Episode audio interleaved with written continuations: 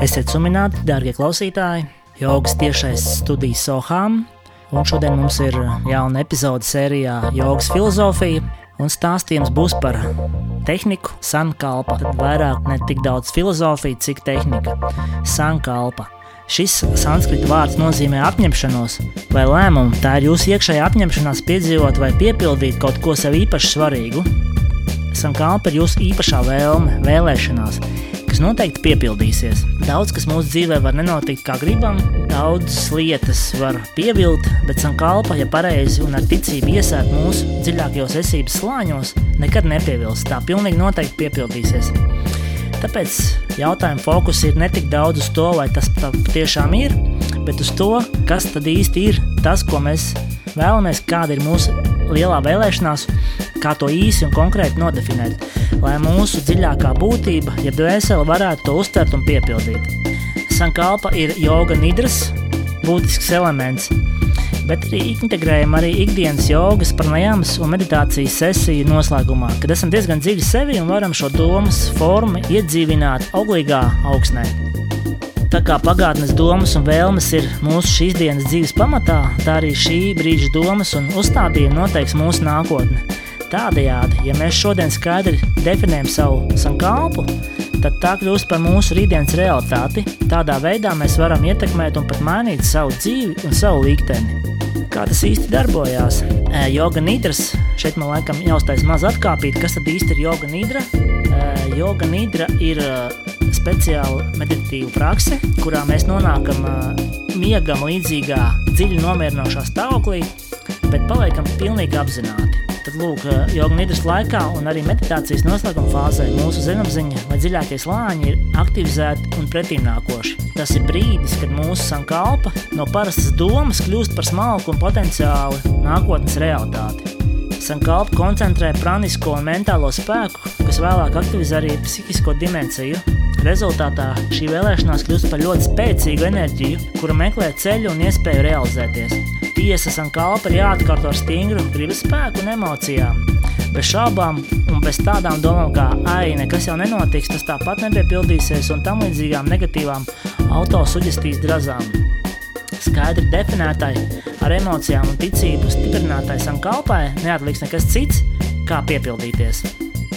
Kā tad īsti izvēlēties uh, sankalpu sev, jeb šo vēlēšanos? Jums ir ļoti nopietni jāpadomā un jādefinē, kas tad īsti ir tas, ko jūs vēlaties. Tāpat laikā padomājiet, vai tas tiešām ir tas, ko jūs gribat, un kas notiks, kad šī lieta piepildīsies.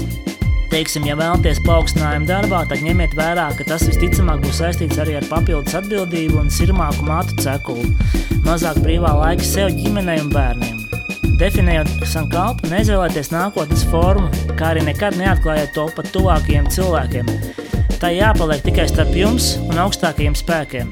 Izvairieties no tādām sīkām un egocentriskām vēlmēm, kā es vēlos daudz naudas, vai gribu šiku mašīnu, vai vēlos būt vadītājs vai vadītāja. Tās ir sīkas un egoistiskas vēlmes, kas nedos jums nekādu nozīmīgu piepildījumu. Protams, ja esat ilgstoši finansiālās grūtībās un nepārvaldat naudas enerģiju, tad varat definēt vēlmi, piemēram, vēlos atrast labi apmaksātu darbu vai vēlos brīvi pārvaldīt naudas enerģiju vai tam līdzīgi arī no vēlmes tikt galā ar dažādām atkarībām, vai dīvainībām vai neirozēm, labāk iz, izvairīties, jo ar neirozēm un atkarībām ir tā, tiklīdz viena pārvarēta, vietā nāk cita.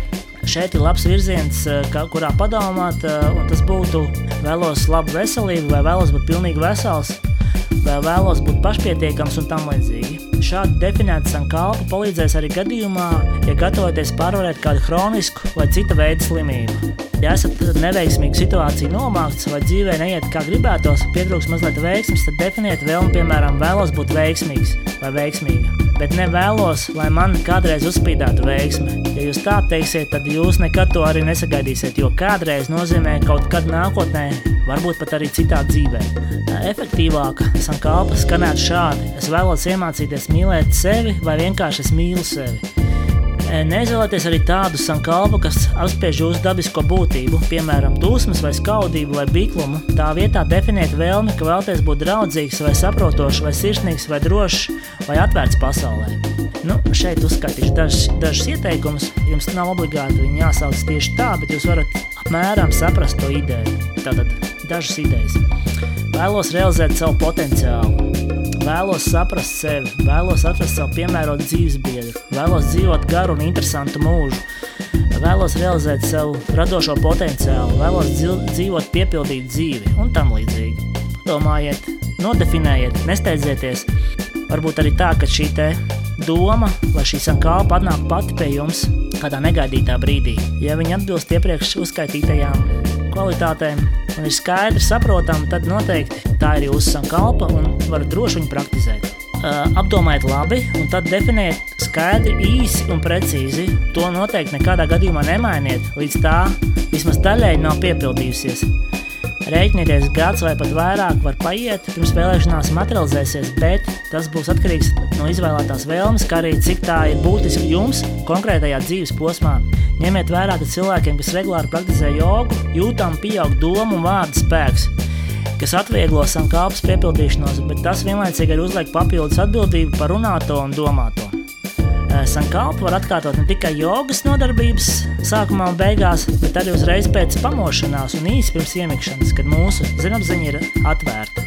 Atkārtojot vismaz trīs reizes klusām, pie sevis domās ar ticību, gribas spēku un emocijām. Sākumā var likties, ka nekas nepiepildās, un mums var uznākt šaubas, frustrācijas sajūta, vai pat likties, ka paliek sliktāk. Tomēr saglabājiet pacietību, praktizējiet savu kalpu, agri vai vēlu tā nesīs augļus, iespējams tādā veidā un formā, par kādu jums nav ne mazākās nojausmas. Un atcerieties, ar augstākiem spēkiem nevar tirgoties, tāpēc nemēģiniet būt labs ar aprēķinu, cerībā, ka kāds no debesīm to pamanīs un piebudīs vēlme ātrāk.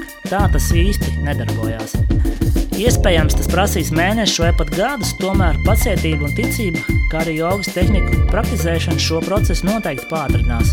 Par to šaubas nav nekādas. Tagad, kā nekad iepriekš, mums katram ir nepieciešama sava iedvesmojoša un cerīga kāpa, lai kopīgi varam pārvarēt šo neparasto dzīves periodu kas ģenerē tik daudz negatīvu un vilšanās pilnu domu. Tas arī stāstījumā par Sankalpu viss. Vēlos pateikties savam iedvesmotājam, Bihāras jogas skolas dibinātājam, Svāmī Saternādam Sarasvatī. Paldies, uzmanību! Šis bija Soham!